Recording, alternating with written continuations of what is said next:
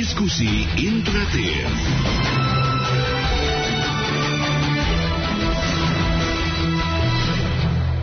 Pukul 23 lewat 05 waktu Indonesia Barat saat ini sudah masuk waktu diskusi interaktif ya. Edisi kali ini masih 6 Desember 2021.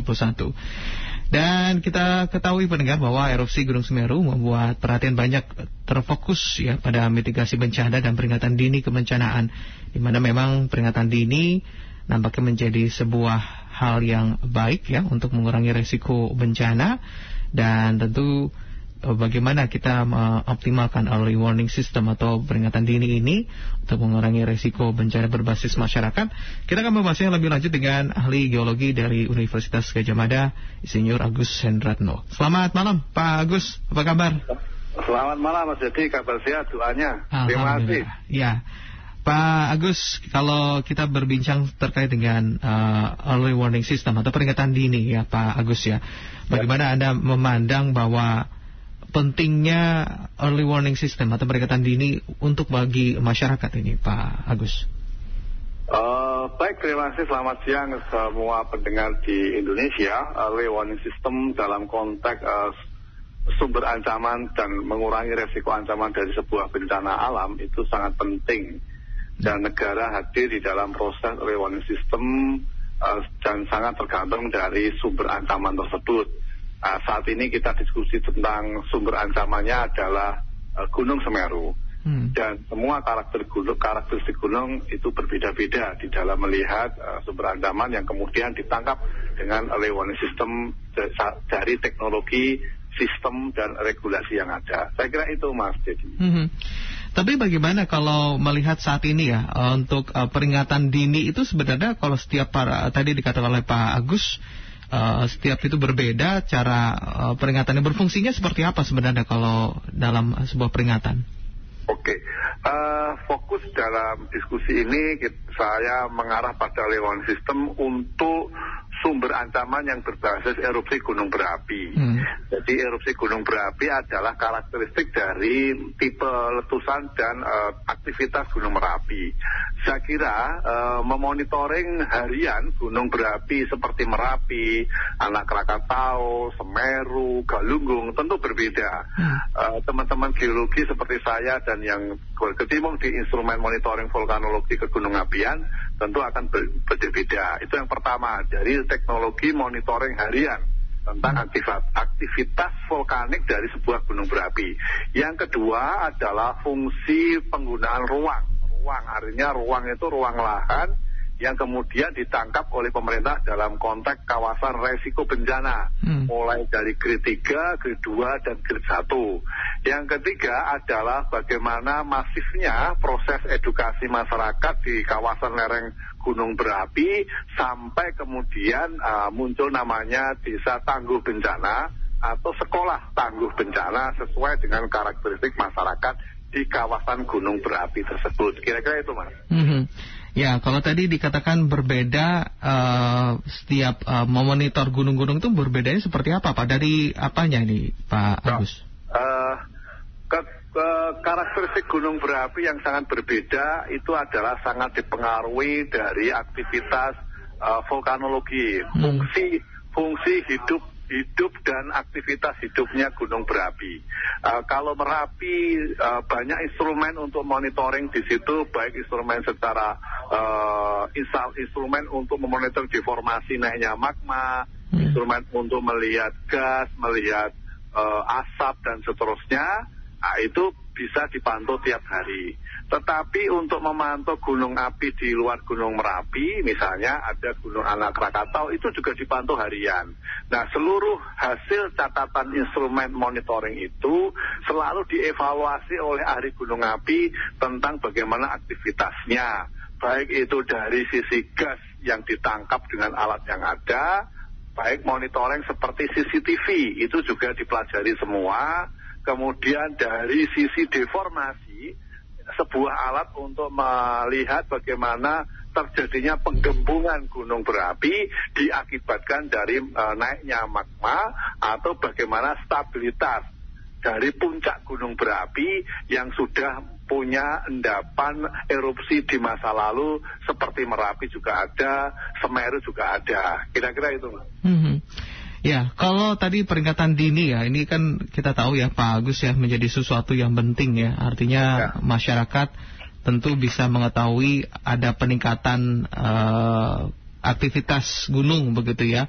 Ya. Nah, kalau kita libatkan yang namanya kearifan lokal di masyarakat, itu bagaimana sebenarnya baiknya mensinkronkan antara uh, teknologi yang tadi berbasis dengan kita uh, memonitor kemudian dengan masyarakat yang tadi di, harus teredukasi itu bagaimana sebenarnya?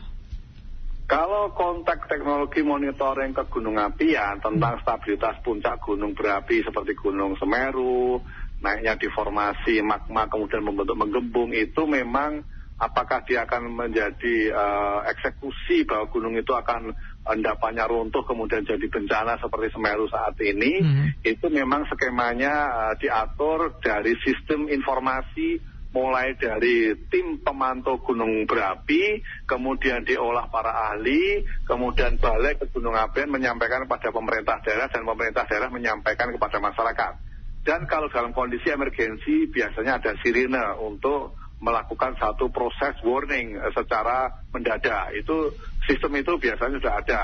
Itu yang saya pahami dengan baik di level Merapi.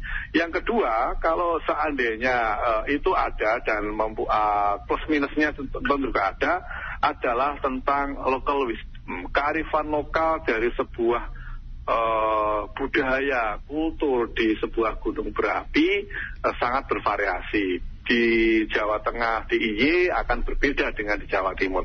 Tapi ada satu hal catatan saya tentang aktivitas lokal wisdom, kearifan lokal, yang menjadi penciri utama adalah perilaku uh, binatang hmm. tertentu yang dia selama ini hidup di dalam tanah, misalnya cacing, semut merah, ada beberapa uh, ular dan seterusnya yang berada di uh, apa di tanah dalam kondisi tertentu uh, getaran uh, gunung berapi karena magma naik kemudian stabilitas puncaknya uh, tidak stabil kemudian terjadi runtuhan kecil-kecil itu bisa menjadi binatang-binatang tertentu itu sensitif hmm. karena sensitif uh, untuk binatang yang tadi dia keluar dari tanah lebih banyak yeah. intensitasnya Lah, kemudian beberapa hal yang misalnya kera atau apa binatang yang hidupnya uh, meloncat-loncat di sebuah gunung berapi uh, itu atau uh, terutama kelompok uh, binatang mamalia misalnya itu dia turun dari satu ketinggian tertentu bahkan bisa masuk ke kampung-kampung uh, yang seharusnya binatang itu tidak main di kampung tapi dia turun. Hmm. Uh, perilaku itu menandakan bahwa dia merasa tidak nyaman habitatnya karena ada aktivitas uh, yang mereka sensitif terhadap hal itu. Itu sebetulnya ada dalam teori tentang perilaku binatang yang hidup harian di gunung berapi merasakan ketidaknyamanan. Kira-kira itu, Mas. Mm -hmm. Iya, kalau peningkatan dari status itu kan kita tahu kan ada ada empat level begitu ya, hmm. Pak Agus ya. ya. Artinya tidak serta merta status itu naik ke satu, dua, tiga. Nah, untuk bisa dikatakan uh, naik level itu, apakah memang diikuti dengan informasi yang seperti apa sebenarnya, Pak? Nah, uh, early warning system dengan grid uh, informasi leveling hmm. mulai dari level normal kemudian waspada siaga dan uh, awas itu yang establis menurut saya hari ini itu memang di Merapi. Saya tidak mengatakan yang gunung berapi aktif yang lain itu lemah, hmm. tetapi saya merasakan diri, uh, merasakan sebagai orang Sleman di Jogja, uh, hanya 20 kilo dari puncak Merapi di Jalan Kaliurang bahwa informasi itu sangat masif untuk Gunung Merapi. Nah, saya tidak tahu bagaimana uh, sistem itu bekerja untuk Semeru. Yang saya pelajari kasus di Semeru ini unik sekali karena memang runtuhannya itu adalah produk dari endapan Semeru yang pernah ada sebelumnya runtuh dan runtuhnya dari kecil menjadi tidak stabil kemudian runtuh besar hmm. uh, sehingga menghasilkan uh, abu, uh, kemudian batu meluncur secara gravitasional terdorong ke level yang lebih lemah adalah sisi selatan arah tenggara. Tetapi yang menarik eh, kemarin siaran teman-teman SAR nasional itu bisa masuk area yang terdampak paling parah dalam kondisi saya melihat endapan dari luncuran awan panasnya itu tidak terlalu panas, akan berbeda dengan hmm. erupsi Merapi 2010. Kemar, uh, kemarin saya lihat di televisi tertentu itu uh, SAR tim SAR itu bisa masuk pada area itu dalam kondisi nyaman untuk segera mengabadikan fenomena itu dan mencari yang kemungkinan tertimbun dari aliran uh, kerikil batu besar maupun uh, tumpukan pasir dari luncuran endapan yang dari Gunung Semeru. Artinya apa? Produk ini kelihatannya produk lama, tapi terdorong runtuh kemudian menjadi uh, accident atau bencana. Akan berbeda kalau produk itu baru dari perut bumi dinaikkan, hmm. didorong dan numpuk tidak terlalu lama masih panas kedorong seperti erupsi Merapi 2010 orang baru masuk sekitar uh, 10 hari atau 7 hari pasca erupsi.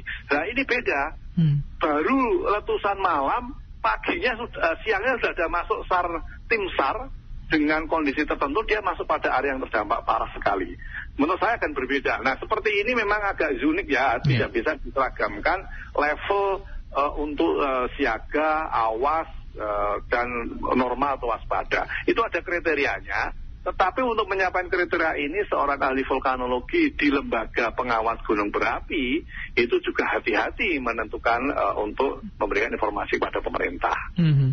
Karena memang setiap level itu kan memiliki uh, apa ya dampak juga ya ke masyarakat ya. Karena kalau ya. sekali menerima informasi ini tentu reaksi dari masyarakat berbeda-beda juga akhirnya. Ya, nah itu yang kita hmm. belum tahu respon sosial hmm. masyarakat di lereng Semeru bagian selatan dan tenggara tentang faktor informasi-informasi seperti ini yeah. dari KLI, uh, dari tim monitoring gunung berapi kepada pengambil keputusan dalam hal hasil akhir, kemudian kepada pemerintah dan kepada masyarakat. Seberapa masifkah? Hmm. Itu yang saya tidak tahu hmm. untuk Semeru. Ya. Kira-kira yeah. gitu mas. Ya. Baik. Pak Agus, kita libatkan pendengar juga ya. Mungkin juga ada uh, masyarakat atau mungkin oh, yang tentunya ingin tahu juga bagaimana ya, sebenarnya melihat kondisi-kondisi tertentu yang tadi disampaikan ini cukup baik ya. Artinya kita ya. perlu tahu juga bagaimana walaupun uh, level ini mungkin satu, dua atau tiga atau bahkan empat nih, nih, bagaimana mungkin harusnya masyarakat merespon. Nah, nah ini nanti akan lebih lanjut lagi. Kita sudah ada juga Pak Bram di Medan. Selamat malam, Pak Bram. Halo, selamat malam. Ya, selamat malam Pak Bram. Silakan. Pak Dedi, Pak narasumber ya. Ya, Pak Agus. Pak Bram. Hmm. Ya, saya melihatnya begini ya. Hmm itu memang masyarakat di situ ataupun mungkin uh, tidak ada informasi. Jadi banyaknya korban. Ya sebenarnya itu hari Sabtu itu kan dia kan udah beri warning itu apa Gunung Semeru itu udah mengeluarkan lava. Ya. masyarakatnya kan masih di situ. Hmm. ya saya terlambat saya pun tidak tahu. Dan itu yang pekerja tambang pun masih tahu dan hari ini pun tadi jam 8 pagi sampai jam 9 lapor kan keluar lagi. Akhirnya hmm. masyarakat berhamburan lagi. Sebenarnya hmm. menurut saya orang apa itu yang kurang tidak ngerti lah gitu ya. Yeah. Itu itu kan udah memberi apa-apa itu. Yeah. Itu hmm. gas di dalam itu kan kalau belum habis keluar keluar tuh sebenarnya. Hmm. Oleh BNPB dari 10 hari ke depan itu jangan lagi ada masyarakat di situ. Yeah. Itu masalahnya. Ini masih masyarakatnya masih di situ. Mm-hmm. Uh, jadi apa nggak banyak korban? Misalnya sebenarnya begitu ceritanya. Yeah. Hmm. Ya, makin banyak ahli ya banyak ya pendapat gitu. Masyarakatnya bingung sendiri. Mm-hmm. Sebenarnya 10 hari ke depan itu jangan ada lagi steril kan itu jangan ada masyarakat di situ ber, beraktivitas di situ menurut saya. Mm-hmm. Sekian, terima kasih. Baik, terima kasih Pak Bram di Medan ya. Nah ini menarik juga ya Pak Agus ya. Artinya kan sebenarnya kalau kita bicara soal teknologi kan ada upaya pencegahan ya, ada upaya di mana uh, meminimalkan kemungkinan atau potensi resiko yang terjadi. Ini apabila ada masyarakat masih beraktivitas harusnya kan uh, sudah diberikan uh, sebuah uh, informasi yang jelas begitu ya agar mereka juga bisa bersiap. Tapi mengapa masih ada uh, masyarakat yang beraktivitas? Nah, apakah ini memang dari masyarakat yang belum mengerti bahwa uh, peringatan dini ini sebenarnya harusnya ditanggapi sebagai ayo bersegera yuk begitu. Nah itu nanti kita kasih sedikit bahas ya Pak Agus ya. Ini ada Pak Agung juga di Jakarta Selatan. Kita terima dulu. Pak Agung, selamat, selamat malam. Selamat ya, malam. Ya, selamat malam Pak Agung. Silakan. Ya Pak narasumber. Ya, ya terima kasih Mas Malam Mas Agung. Iya, saya turut berduka cita ya, ya. sebelumnya ya, ya. tanpa sekendak yang kita ketahui ya. Ya jadi gini, menurut saya tidak bisa ada yang melawan teknologi. Hmm. Iya, pemberitahuan apa ini ini emang terlalu terlalu mendadak, terlalu ini tergesa-gesa. Ya, ini kuasa Tuhan sih kalau menurut saya. Hmm. Iya, jadi gini, kalau menurut saya, ini ulah manusia. Itu di situ kalau saya melihat berita itu banyak penambang-penambang itu yang di dataran-dataran gunung itu. Hmm. Iya gunung itu bung di mana-mana itu harus dilestarikan, jangan ada nih anak ditambang-tambang. Hmm. Iya itu ulah manusia kalau yeah. menurut saya. Ini saya berita nih, berita nih yang ada Jawa Barat, yang itu ada bupati itu, ada tambang-tambang ilegal apa -hmm. gitu. Itu ya itulah karena saya bilang, jadi teknologi itu tidak bisa di diutamakan dengan kuasa Tuhan. Jadi hmm. ini ini kuasa Tuhan kalau menurut saya. Yeah, yeah. Jadi menurut saya tolong aparatur-aparatur itu yang di atas atas itu tolong itu yang ada ilegal-ilegal pertambangan itu harus diteliti. Iya nambang-nambang-nambang nggak jelas itu. Mm-hmm. Apa itu gunung-gunung, bukit-bukit, ditambang-tambang. Apa demi keuntungan pribadi dan golongannya. Yeah, yeah. Jadi menurut saya ini mudah-mudahan apa yang ada korban-korban yang ada di Gunung Semeru itu mudah-mudahan khusul khotimah yeah, yeah. doa saya. Amin. Tapi peraturan-peraturan negara tolong audit-audit mm -hmm. diadakan itu tambang-tambang itu jelas enggak janganlah ditambang harusnya yeah. dilestarikan adanya bencana-bencana ini dari nggak bisa teknologi itu dikuasakan oleh teknologi kuasa Tuhan. Mm-hmm. Jadi intinya pemerintah ini harus ada audit-audit teknologi apa audit-audit yang pertambangan itu. Ya, Kalau izinnya saya, ya. ya iya okay. intinya. Jadi saya usul ultima mudah-mudahan itu ya intinya audit-audit itulah itu pertambangan itu ya. harusnya ada lah, nggak jelas itu. Ya, ada baik. Terima kasih Pak Agung ya di Jakarta Selatan ya. Oke, ini Pak Agus, ini ada juga beberapa komentar juga ya, kita bacakan juga ya. Nah, yep. makanya dari Pak Jaka katanya yang menyampaikan sudah beberapa kali melakukan simulasi penyelamatan saat bencana, tapi ekspektasi memang tidak sesuai realita. Terkadang peringatan dari BMKG pun dianggap warga sebagai info yang meresahkan, katanya ketika menyiarkan potensi yang terjadi kepada masyarakat. Intinya mesti ada kerjasama antara warga dan pihak terkait dalam penanggulangan bencana. Karena jika masyarakat masih tidak menggubris, masih bandel, ini nampaknya uh, memiliki pemahaman yang minim, maka yang disampaikan BMKG tidak ada artinya. Nah ini tadi sedikit ya kita mungkin masyarakat juga banyak yang setuju, masih banyak yang abai begitu ya Pak Agus. Bagaimana melihat bahwa masyarakat apakah memang tidak teredukasi atau bagaimana sebenarnya Pak Agus? Eh, baik, uh, terima kasih Bapak hmm. uh, Bapak tentang pendapat. Uh, ya. Pertama yang perlu saya luruskan untuk uh, peringatan dalam konteks kegunung apian bukan BMKG. Ya. Jadi BMKG secara undang-undang tugasnya untuk uh, warning dan informasi meteorologi dan kegempaan dan kegempaan yang uh, cenderung untuk menghasilkan tsunami itu tidak. Kalau gunung api, lembaga yang mengawasi adalah Badan Geologi ya. di bawah Kementerian SDM.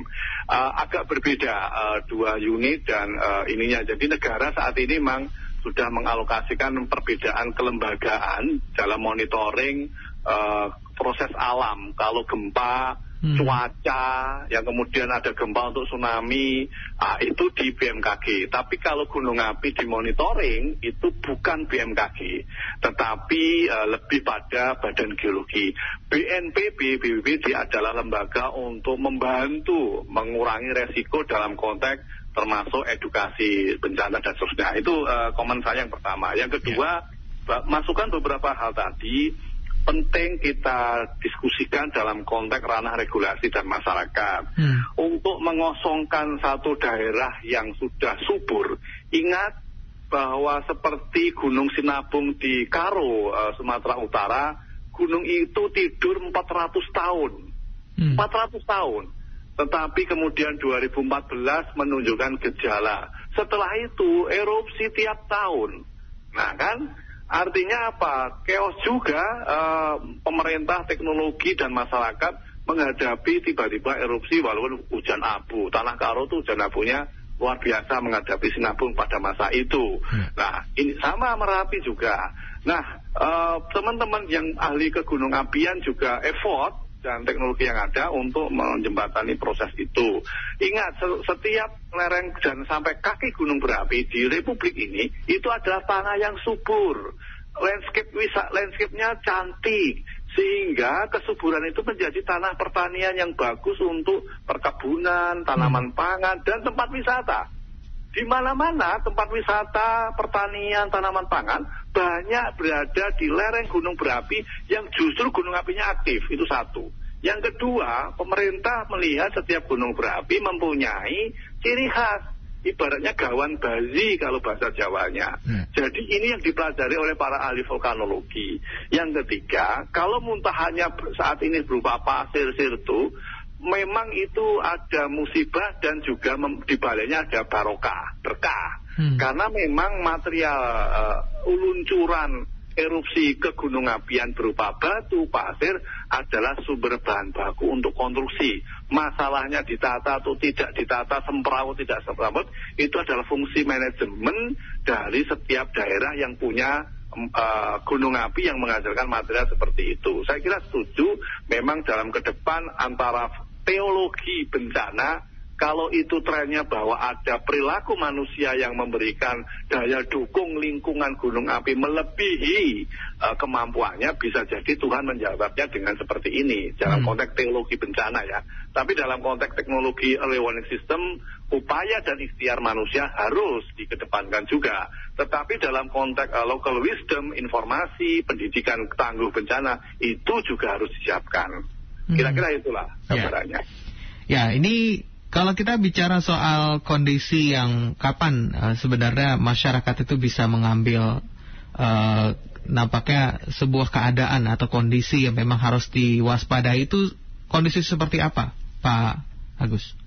Uh,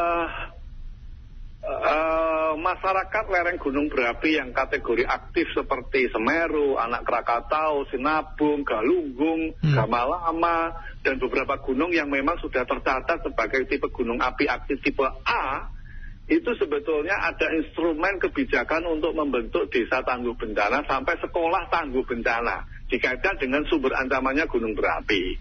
Nah masalahnya pembiayaan itu adalah kemampuan sangat tergantung dari kemampuan daerah di mana gunung api berada. Nah kalau konteksnya itu teredukasi secara masif, maka anak-anak di SD tahu bahwa saya itu tinggal di kawasan lereng gunung berapi yang setiap saat bisa jadi gunung apinya erupsi gitu loh. Nah, edukasi ini berhasil jika intensitas masif di dalam proses sosialisasi edukasi juga tinggi termasuk di dalamnya pem, uh, pendidikan local wisdomnya. Ini penting diturunkan secara uh, turun temurun untuk informasi local wisdomnya. Saya kira itu. Jadi konteksnya dilihat dulu sejauh mana sih sebetulnya setiap daerah itu mempunyai uh, rekod untuk uh, edukasi dan pendidikan sampai kepada sekolah tangguh bencana atau desa tangguh bencana dalam konteks sumber ancaman lancang erupsi gunung berapi. Ya. Oke, ini ada Pak Edi ya. Ini yang menyampaikan seperti ini Pak Agus. Eh, bukan masyarakat yang abai, tapi memang ada sifat petani yang seperti itu. Sangat sayang meninggalkan pertanian, peternakannya sehingga sampai kecolongan nih bahwa musibah itu datang. Kemudian ada juga yang menyampaikan uh, Pak Iskandar pakai toa Pak katanya atau kentongan beli alat canggih kemungkinan cuma Dua, hilang atau rusak karena nggak dirawat. Ini negeri 62, dikit-dikit proyek katanya. Nah itu bagaimana? Kita melihat dari sisi uh, sebuah teknologi itu kan diciptakan untuk uh, memudahkan, tapi ada yang mungkin segelintir orang atau oknum yang tidak merawat atau bahkan tidak uh, menjual atau bahkan ada kasus-kasus tertentu malah merusak begitu ya. Nah itu nanti kita akan sedikit membahas, tapi kita sudah bersama Pak Stadi dulu di Cilengsi. Selamat malam Pak Stadi. Malam um, Om Deddy, ya, Assalamualaikum. Ya, Waalaikumsalam. Ya, selamat malam Pak, silakan. Sumber sehat selalu. Assalamualaikum warahmatullahi wabarakatuh. Waalaikumsalam. Baik, uh, inilah uh, dengan adanya erupsi Gunung Semeru ini kami uh, mungkin rakyat harus uh, berpikir secara jauh. Artinya bahwa semua yang ada kejadian ini adalah kitanya harus memang tanggap. Hmm. Baik yang nantinya ada ada trust apa itu uh, tsunami atau apa itu. Nah hmm. inilah sebagai pengingat bahwa uh, pemerintah harusnya memberikan edukasi yang maksimal buat rakyatnya, bagaimana stakeholder yang bisa atau berkompeten untuk memberikan informasi. Kemudian yang kedua memang uh, baik dikatakan tadi memang sudah dibagi-bagi bagaimana uh, uh, stakeholder yang memang membidangin baik cuaca, gempa atau gunung merapi. Nah, sebaiknya bidang-bidang itu juga harus disampaikan ke masyarakat dengan jelas, dengan sadar bahwa rakyat itu tidak sepintar apa yang ada di atas gitu hmm. loh. Itu aja mungkin yang perlu kami ikut untuk menyampaikan. Kami rakyat juga uh, pengen sekali lah sampai ke bawah itu uh, ada semacam kayak pendidikan yang memang ini loh kita ini berada di zona yang memang tidak aman -hmm. seperti di pantai seperti di dekat pantai masih ada seperti di Gunung Merapi Merapi itu. Mungkin itu aja Mas Baik. Jadi, terima kasih Pak Tadi ya. Assalamualaikum warahmatullahi wabarakatuh. Waalaikumsalam warahmatullahi wabarakatuh. Ini mungkin kita bisa uh, menyimpulkan seperti penyampaian bahasa yang mudah dipahami oleh masyarakat ibu itu ya Pak Agus ya. Karena mungkin banyak yang menganggap apa yang disampaikan oleh stakeholder termasuk BMKG tadi kemudian ahli geologi yang hmm. atau mungkin uh, yang lain-lain gitu yang menyampaikan bahwa ini bahasanya terlalu berat begitu ya. Nah ini bagaimana Pak Agus kalau uh, penyampaian bahasa-bahasa yang mudah itu apakah memang penting sebenarnya Pak Agus? Baik, ya, pendapat Bapak, eh, Bapak tadi sangat penting, saya setuju. Salah satu fungsi dari kemajuan apa pun termasuk teknologi kebencanaan apa pun itu kalau pada level bawah adalah uh, pertaruhan dari bagaimana teknik komunikasi. Yeah. Jadi teknik komunikasi bahkan seorang pemimpin politik pun akan bisa diterima oleh rakyatnya atau konstituennya itu juga tergantung teknik komunikasi. Makanya ada ilmu komunikasi politik. Hmm. Nah, saya setuju. Uh, ibarat seorang uh, korporat itu ada namanya humas. Yeah. Bahkan seorang presiden punya juru bicara, ya kan? Uh, seorang tokoh punya juru bicara, seorang pangeran juga sama, seorang sultan juga sama. Yeah. Nah, dalam konteks ini saya setuju pendapat tadi betul bahwa pemerintah harus mengupayakan secara optimal bahwa setiap informasi yang sangat saintifik di bidang kegunung apian, di bidang kegempaan, di bidang cuaca, itu harus diseminasi, terdistribusi informasinya dengan baik tergantung uh, teknik komunikasi. Bagaimana seorang ahli, uh, dia saintifik dalam hal tentu, tapi dia mampu menyampaikan bahasa itu secara lugas, sederhana, populer biasanya, yang bisa dipahami oleh masyarakat di mana uh, kategori kebencanaan atau sumber bencananya memang ada di situ. Saya setuju proses ini sehingga diperlukan bahwa juru bicara juru bicara Badan Penanggulangan Bencana Daerah harus masif menyampaikan ini kepada masyarakat di daerah rawan bencana apa pun sumber bencananya. Saya kira itu sepakat untuk itu dikedepankan hmm. ke depan lebih masif lagi kira-kira gitu. Ya. Terkait dengan uh, tadi disampaikan oleh Pak Iskandar pakai toa atau kentongan alat canggih ya selalu potensinya antara hilang atau rusak karena nggak dirawat itu sebenarnya bagaimana Pak? Kalau itu memang cerita ya namanya plus minus ya Mas ya. teknologi uh, vulkanologi masang sebuah alat untuk uh, memantau deformasi di uh, cangkringan di Sleman Jogja hmm. itu hilang kok Mas hilang hilang. Nggak ada bekasnya begitu Pak, ya, atau bagaimana? Ya, kalau nggak hilang semuanya, hilang sebagian. Hmm. Nah, kan jadi, dan itu memang alat-alat itu kan memang mahal dan itu kan di, difasilitasi oleh negara dengan penganggaran tertentu gitu loh. Hmm. Jadi itu wajar. Yang kedua kentongan uh, dan sebagainya itu yeah. kalau menghadapi model erupsi seperti itu uh, ya bisa terlalu terlalu cepat kentongannya baru dikentongi itu sudah sampai gitu loh hmm. sudah sampai ah, ini awan panasnya itu yeah, sudah yeah, sampai yeah. di depan mata kan tinggal hmm. wassalam kalau truk ya tinggal tenggelam lari itu ya hmm. tapi kalau konteks uh, uh, warning dalam konteks keamanan sosial yang sifatnya perkampungan di level-level desa antar kampung di perkotaan itu, itu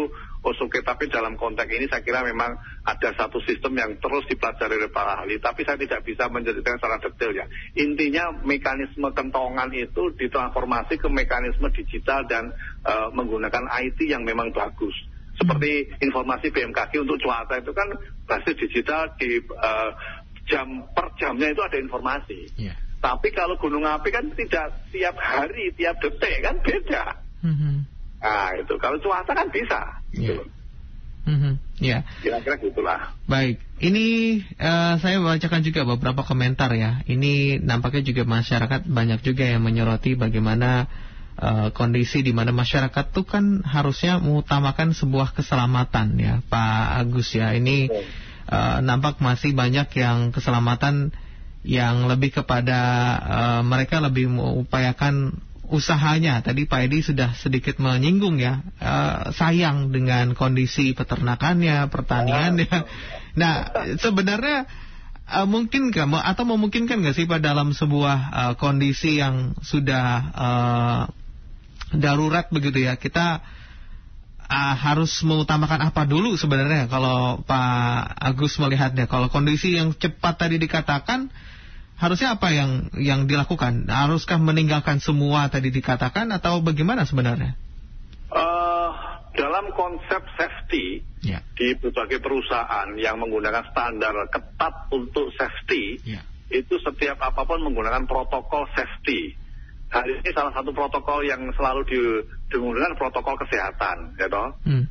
Nah, teori keselamatan dan kenyamanan dari sebuah personality di berbagai unit apa pun ya sampai hari ini namanya prokes misalnya ya dalam konteks uh, corporate di kerja di tambang, kerja di industri, kerja di fasilitas-fasilitas yang punya sensitif terjadi kecelakaan industri, bahkan untuk keluar uh, naik kendaraan roda dua jarak 10 meter saja pakai helm gitu lah. Jadi kalau kita lihat dari perkotaan yang begitu uh, ramai tapi jauh dari pantauan polisi misalnya orang biasa kok keluar untuk jarak satu kilo dua kilo tanpa helm Mm-hmm. Nah, sekarang jadi tren misalnya orang lebih banyak, lebih senang pakai masker, tapi tidak pernah pakai helm sekarang hari ini. Yeah. Di kota-kota itu yang saya lihat fenomena terbalik.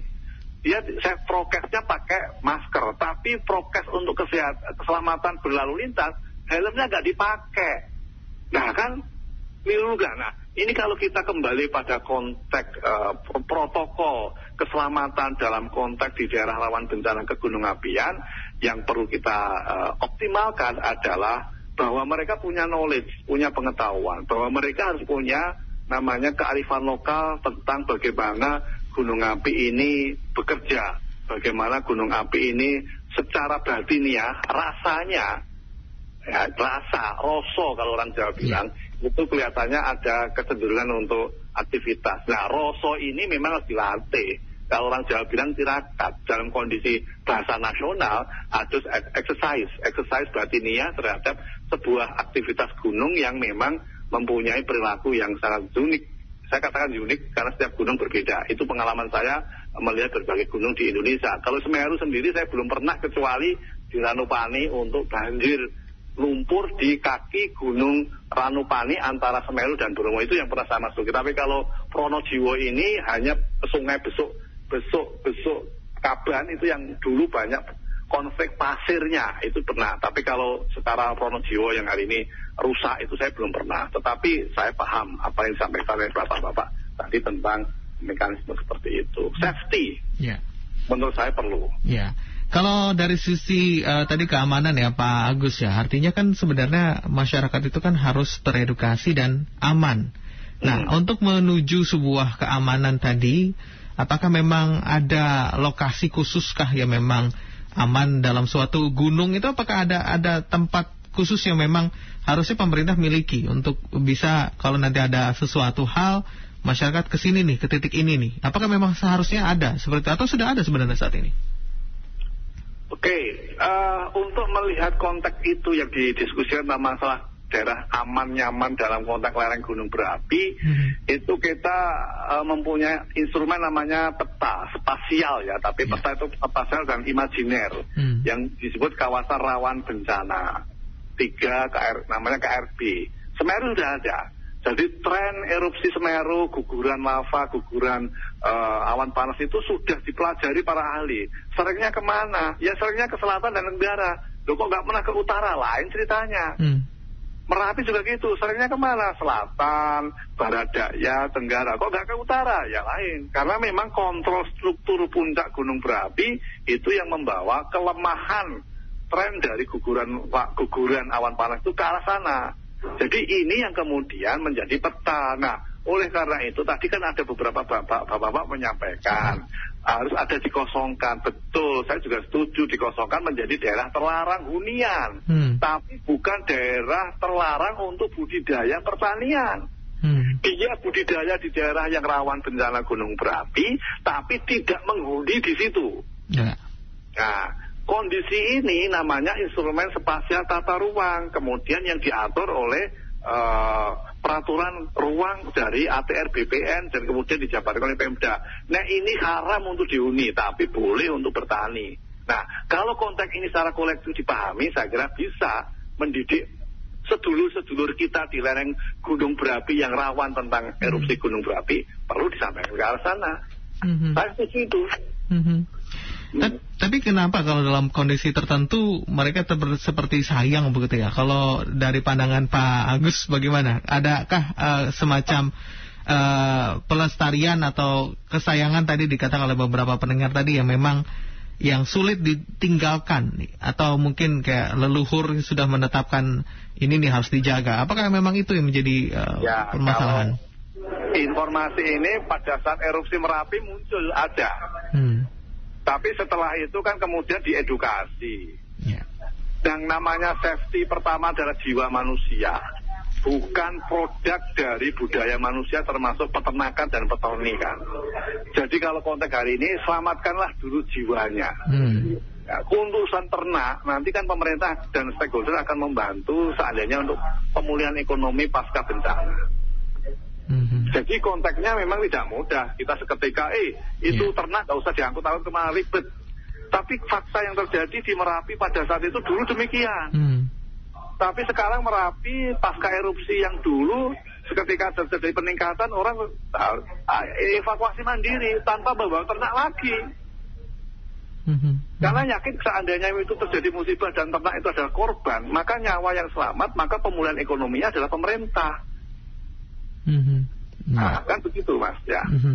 Jadi peran pemerintah ini sangat penting ya untuk bisa ya, memberikan informasi ya. ekonomi, mm-hmm. apa pun bentuknya plus minus sama dengan COVID hari ini. Yeah. Pemulihan ekonomi apa pun yang dengan pemerintah dengan segala plus minus respon dari para pihak, oke okay, silakan. Tapi pemerintah dan stakeholder harus dalam konteks membangkitkan ekonomi pasca pandemi pasca bencana. Mm-hmm. Yeah. Kira-kira gitu. Baik. Ini uh, ada beberapa yang komen juga nih uh, bahwa memang uh, banyak problem sih Pak katanya. Masyarakat banyak yang mendapati di kawasan rawan. Dan kalau sudah seperti ini mereka yang disuruh pindah memang tidak mau. Apalagi kalau sudah ada aktivitas penambangan pasir uh, batu dan ini terlalu banyak dan membuat akhirnya kalau dalam proses evakuasi memang agak sulit Kemudian ini ada juga yang menyampaikan bahwa harusnya sudah ada perencanaan ya atau mungkin sekaligus juga edukasi karena kalau sudah seperti ini nampaknya kita seperti uh, baru memulai baru lagi dari awal lagi. ya. Nah, ini kemudian ada juga uh, belajar dari yang dulu-dulu kalau memang ini sudah belajar harusnya sudah tidak ada kejadian ada oh, ada beberapa jiwa yang meninggal harusnya ini sudah jadi pembelajaran penting untuk uh, dari waktu ke waktu. Nah, hmm. bagus kalau ini tadi disampaikan oleh pendengar kita ada yang menyampaikan bahwa ini harusnya sudah menjadi sebuah pembelajaran dari waktu ke waktu. Sebenarnya memang uh, kondisi saat ini memang apakah memang belum dalam kondisi yang optimalkah memang uh, tadi semacam uh, peringatan dini kemudian edukasi di masyarakat oleh pemerintah yang memang belum banyak atau seperti apa sebenarnya kondisinya? Uh, saya termasuk orang yang bisa melihat bahwa edukasi segala segala bentuk yang disampaikan oleh bapak-bapak ini sebenarnya sudah tepat. Mm-hmm. Uh, masalahnya kultur kita itu sering uh, lupa, jadi malah kadang-kadang ada teori untuk melawan lupa. kita itu kalau sudah enak dengan potensi ekonomi walaupun di daerah rawan bencana, hmm. kita lupa sebagai kalau kita tinggal di daerah yang mempunyai ancaman, gitu loh. Jadi karena kenikmatan ekonomi yang terproduksi harian, bahwa kita seperti menambang pasir dan sebagainya, ada satu gejala kultur yang memang sudah namanya berserah diri, takdir. Hmm. Jadi kalau sudah takdir itu sudah selesai finish, tidak ada teori, tidak ada konsep, tidak ada regulasi, tidak ada yeah. manajemen, gitu loh. Hmm. Tapi manusia kan mempunyai ikhtiar dengan hati nurani, dengan logika, dengan teknologi mengoptimalkan itu. Nah, eh, tolong ukur dari mengoptimalkan dari gagasan-gagasan atau ide-ide dari bapak-bapak tadi sebetulnya adalah uh, misalnya begini instrumennya. Di sana ada beberapa desa rawan bencana Gunung Semeru kategori KRB 3. KRB 3 itu adalah kawasan rawan bencana yang terdekat jarak dari aktivitas luncuran guguran awan panas. Sehingga menjadi sumber ancaman pertama. Harusnya daerah KRB 3 itu daerah terlarang hunian. Tapi budidaya seperti mengambil pasir bisa jadi sungai-sungai itu adalah KRB 3. Tapi aktifnya di situ. Tapi mereka menikmati ekonomi itu kalau sudah menikmati ekonomi biasanya lupa kok sumber ancaman. Dan itu sifat termasuk saya juga. Mm-hmm. Saya itu kalau sudah menikmati hal yang bersifat ekonomi dan nyaman, lupa bahwa e, seperti e, di ujung tanda bahwa ini juga ada ancaman gitu. Mm-hmm. Nah, kalau ancaman itu disembunyikan oleh Tuhan, ya kita kelihatannya aman-aman aja. Tapi begitu ancaman dipertunjukkan oleh Tuhan, kita baru sadar, oh kita juga berada pada area yang terancam, kan begitu. Mm-hmm. Nah, instrumen yang ada adalah jumlah RT RW desa di daerah rawan bencana itu terdidik berapa kali dalam satu tahun. Begitu di, deklarasi bahwa kami desa tangguh bencana, kami desa siaga bencana. Hmm. Nah, hitungannya kalau ada ada uh, 60 desa di lereng Gunung Berapi, dia kategorinya 30 persen, 50 persen desa itu mendeklarasikan desa tangguh bencana, pemerintah menganggap, oh kamu sudah teredukasi, hmm. selesai. Apakah itu akan teredukasi tiap tahun, tiap bulan? Nah itu urusan masif atau tidak masifnya proses edukasi itu. Kan begitu, Mas. Hmm. Nah, kalau peran dari tokoh masyarakat ya, ini bagaimana? Atau mungkin kalau kita melihat setiap uh, gunung itu kan kadang-kadang ada juru kunci gitu ya. Nah, itu bagaimana sebenarnya kalau Pak Agus uh, melihat ya tokoh uh, masyarakat itu apakah sudah memang berfungsi sebenar sebenar-benar atau masih dalam taraf yang tadi dikatakan lupa juga kadang-kadang kalau dalam kondisi tertentu. Kalau tokoh masyarakat di kawasan Semeru, uh, saya bel belum bisa melihat detail dan tidak bisa cerita. Hmm. Tapi kalau tokoh masyarakat di kawasan Bromo, yeah. Ya utamanya saya pernah ketemu yeah. dan beliau meng mengasihkan hadiah udeng-udeng yang hari saya pakai. Ini saya dari Pangkal Pinang, mm -hmm. udeng-udeng dari tokoh Tengger di kawasan Bromo yang rawan bencana itu menghadiahkan udeng-udeng yang sering saya pakai setiap hari. Kalau Mas Anu Dedi hmm. lihat profil yeah. saya di beberapa uh, jejak digital itu saya sering pakai udeng-udeng. Nah, uh, baik kalau yang konteks Jogja ada Merapi, ada Mbah Marijan dan sekarang putranya, kulturnya kultur hubungan Merapi, juru kunci adalah terah keraton. Hmm. Nah, ini yang berbeda. Kita tidak bisa serta merta like Jogja, Merapi, keraton Jogja juru kunci. Hmm. Nah, Semeru juru kunci keratonnya mana? Kan begitu Mas. Nah, kan itu. Ini yang tidak bisa kita buat satu keseragaman dalam konteks itu. Tapi setiap budaya di lereng Gunung Api ada tokoh yes. Yeah.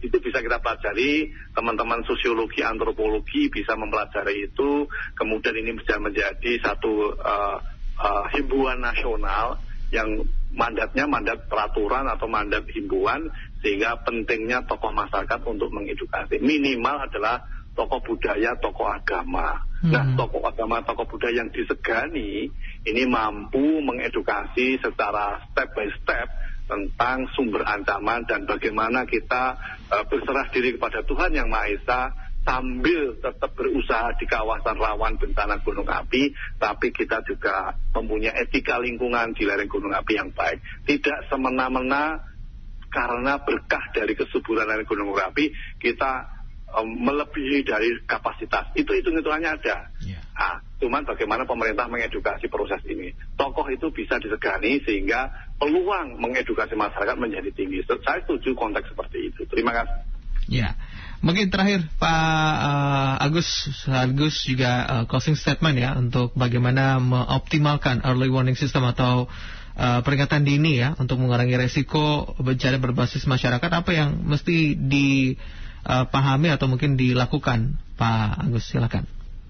Baik, terima kasih uh, Bapak Ibu pendengar yang baik. Uh, dalam closing remark yang perlu saya garis bawahi sebagai pelaku dari forum resiko bencana saya uh, mendeklarasikan di wilayah DI saja. Tetapi dalam konteks hal-hal uh, uh, yang saya lakukan, saya diskusikan, saya bisa memberikan beberapa masukan. Pertama adalah optimalisasi dari sistem monitoring sebuah uh, kegunung berapian dan itu fungsi negara sudah jalan bagaimana kemudian distribusi monitoring hasil evaluasi pemantauan gunung berapi ini disampaikan dengan bahasa yang lugas, bahasa yang populer, bahasa yang mengandung kultur masyarakat tempat oleh pemerintah dan pihak-pihak terkait. Yang ketiga adalah fungsi ruang. Fungsi ruang dalam konteks kawasan rawan bencana 321 jika memang daerah itu haram dihuni ya paling tidak dengan kesuburan yang ada di gunung berapi minimal untuk budaya tanaman pangan atau perkebunan tapi bukan tinggal di situ. Nah, kemudian bagaimana kita mengukur tingkat masif dan proses edukasi supaya lebih dioptimalkan ke depan. Fungsi ini sebetulnya ada di uh, Badan Penanggulangan Bencana Daerah mandatori dari sebuah regulasi tentang penanggulangan bencana. Tinggal kemampuan daerah dengan sumber biaya yang ada mampu menggerakkan proses-proses edukasi secara masif tentang resiko dan uh, hidup living harmony uh, with apa ya jadi hidup selaras bersama gunung berapi jadi gitu living harmony with uh, volcano system nah ini yang tidak mudah tetapi paling tidak kita berkampanye ke asal sana kira-kira gitu mm -hmm. uh, apa yang bisa kami sampaikan terima kasih Mas Dedi ya terima Selamat kasih malam. Selamat malam Pak Agus Demikian tadi, pendengar kita baru saja berbicara dengan ahli geologi dari Universitas Gajah Mada, Insinyur Agus Hendratno. Dan kita bacakan juga beberapa komentar ya yang tetap mendoakan juga. Kita doakan terus ya saudara saudara-saudara kita atau mungkin oh, masyarakat atau warga di sana yang juga didoakan juga agar tetap ya Semoga masyarakat yang tinggal di sana nurut katanya ya uh, petugas di lapangan mengarahkan ke mana harus mengungsi atau menjauh dari gunung yang meletus. Dengan begitu cepat terdata juga siapa yang hilang, siapa yang terluka dan jangan ke tempat yang berbahaya tanpa izin dari petugas untuk sementara ini. Kemudian juga dari Pak Harfiandi uh, semoga apa nih? Oh, komunikasi katanya ini penting nih. Komunikasi harus bisa cepat dan meluas pos HT setiap 200-500 meter sehingga info cepat tersebar. Kemudian ada juga yang menyampaikan melalui SMS ya yang melihat bahwa eh, gunung-gunung uh, yang ada di 34 provinsi yang saat ini uh, oh ini oke ini kita lewatkan dulu ya. Uh, kemudian ini ada juga yang penting bagaimana sebenarnya peran dari tokoh-tokoh saya setuju ini agar masyarakat uh, yang tinggal di sana jika semakin mensegani atau setidaknya ikut dalam kewaspadaan kita tidak ingin lagi ada kondisi di mana uh, ada ditemukan sebuah uh, seorang korban yang tadi mungkin ramai juga ya tadi mungkin maksudnya adalah uh, korban yang memeluk anaknya ya. Kemudian ada juga tanggapan dari beberapa pendengar yang menyampaikan tolong semoga uh, tolong semuanya bisa uh, memberikan doa yang terbaik. Jadi jangan ada spekulasi atau kalimat-kalimat yang membuat hati warga sana sedih tentu ini sebuah bencana tetap konteksnya kita harus berduka prihatin agar kita juga semoga diberikan kekuatan. Ya kita selalu doakan ya yang terbaik juga ya untuk masyarakat atau warga yang ada di sana. Kemudian ada juga beberapa yang menyampaikan bahwa kondisi saat ini memang harusnya menjadi kewaspadaan ya untuk masyarakat tidak hanya untuk masyarakat yang berada di wilayah Eh, potensi bencana, tapi juga mungkin seluruh wilayah yang ada di Indonesia. Karena yang namanya sebuah bencana, kita tidak melihat bencana itu uh, hanya berfokus pada yang gempa atau mungkin pada gunung berapi katanya, tapi juga namanya bencana eh, tetap harus disikapi dengan kehati-hatian dan juga harus dengan kebijaksanaan. Oke, kemudian ada juga yang uh, mendoakan semoga apa yang terjadi saat ini kita bisa ngambil hikmahnya. Jangan e, berlaku seenak-enaknya saja melakukan e, penambangan atau mungkin kegiatan-kegiatan yang dapat merugikan masyarakat yang ada di sana. Kita perlu ingat bahwa kita punya limit sebagai manusia atau kita punya batasan sebagai manusia katanya. Oke. Okay. Baik, kita cukupkan dulu kita uh, nanti akan berbincang kembali. Jadi untuk Anda yang juga malam hari ini atau mendengarkan siaran uh, malam hari ini ingin juga memberikan komentar silakan ya. Bagaimana uh, mengoptimalkan peringatan uh, peringatan dini atau early warning system ya yang kita ketahui bahwa peringatan dini ini menjadi sebuah upaya mengurangi sebuah resiko bencana termasuk mencegah jatuhnya korban dan juga meminimalkan kerugian materi. Karena banyak juga dari banyak pihak uh, saat ini fokus ya untuk memitigasi bencana dan juga tadi banyak juga yang menginginkan agar semua bisa lebih sinkron ya bagaimana teknologi dan juga uh, masyarakat bisa lebih teredukasi. Nanti silakan nanti Anda bisa kembali bergabung di 0215869000 dan juga pesan singkat WA dan juga SMS 0811806543. Diskusi interaktif.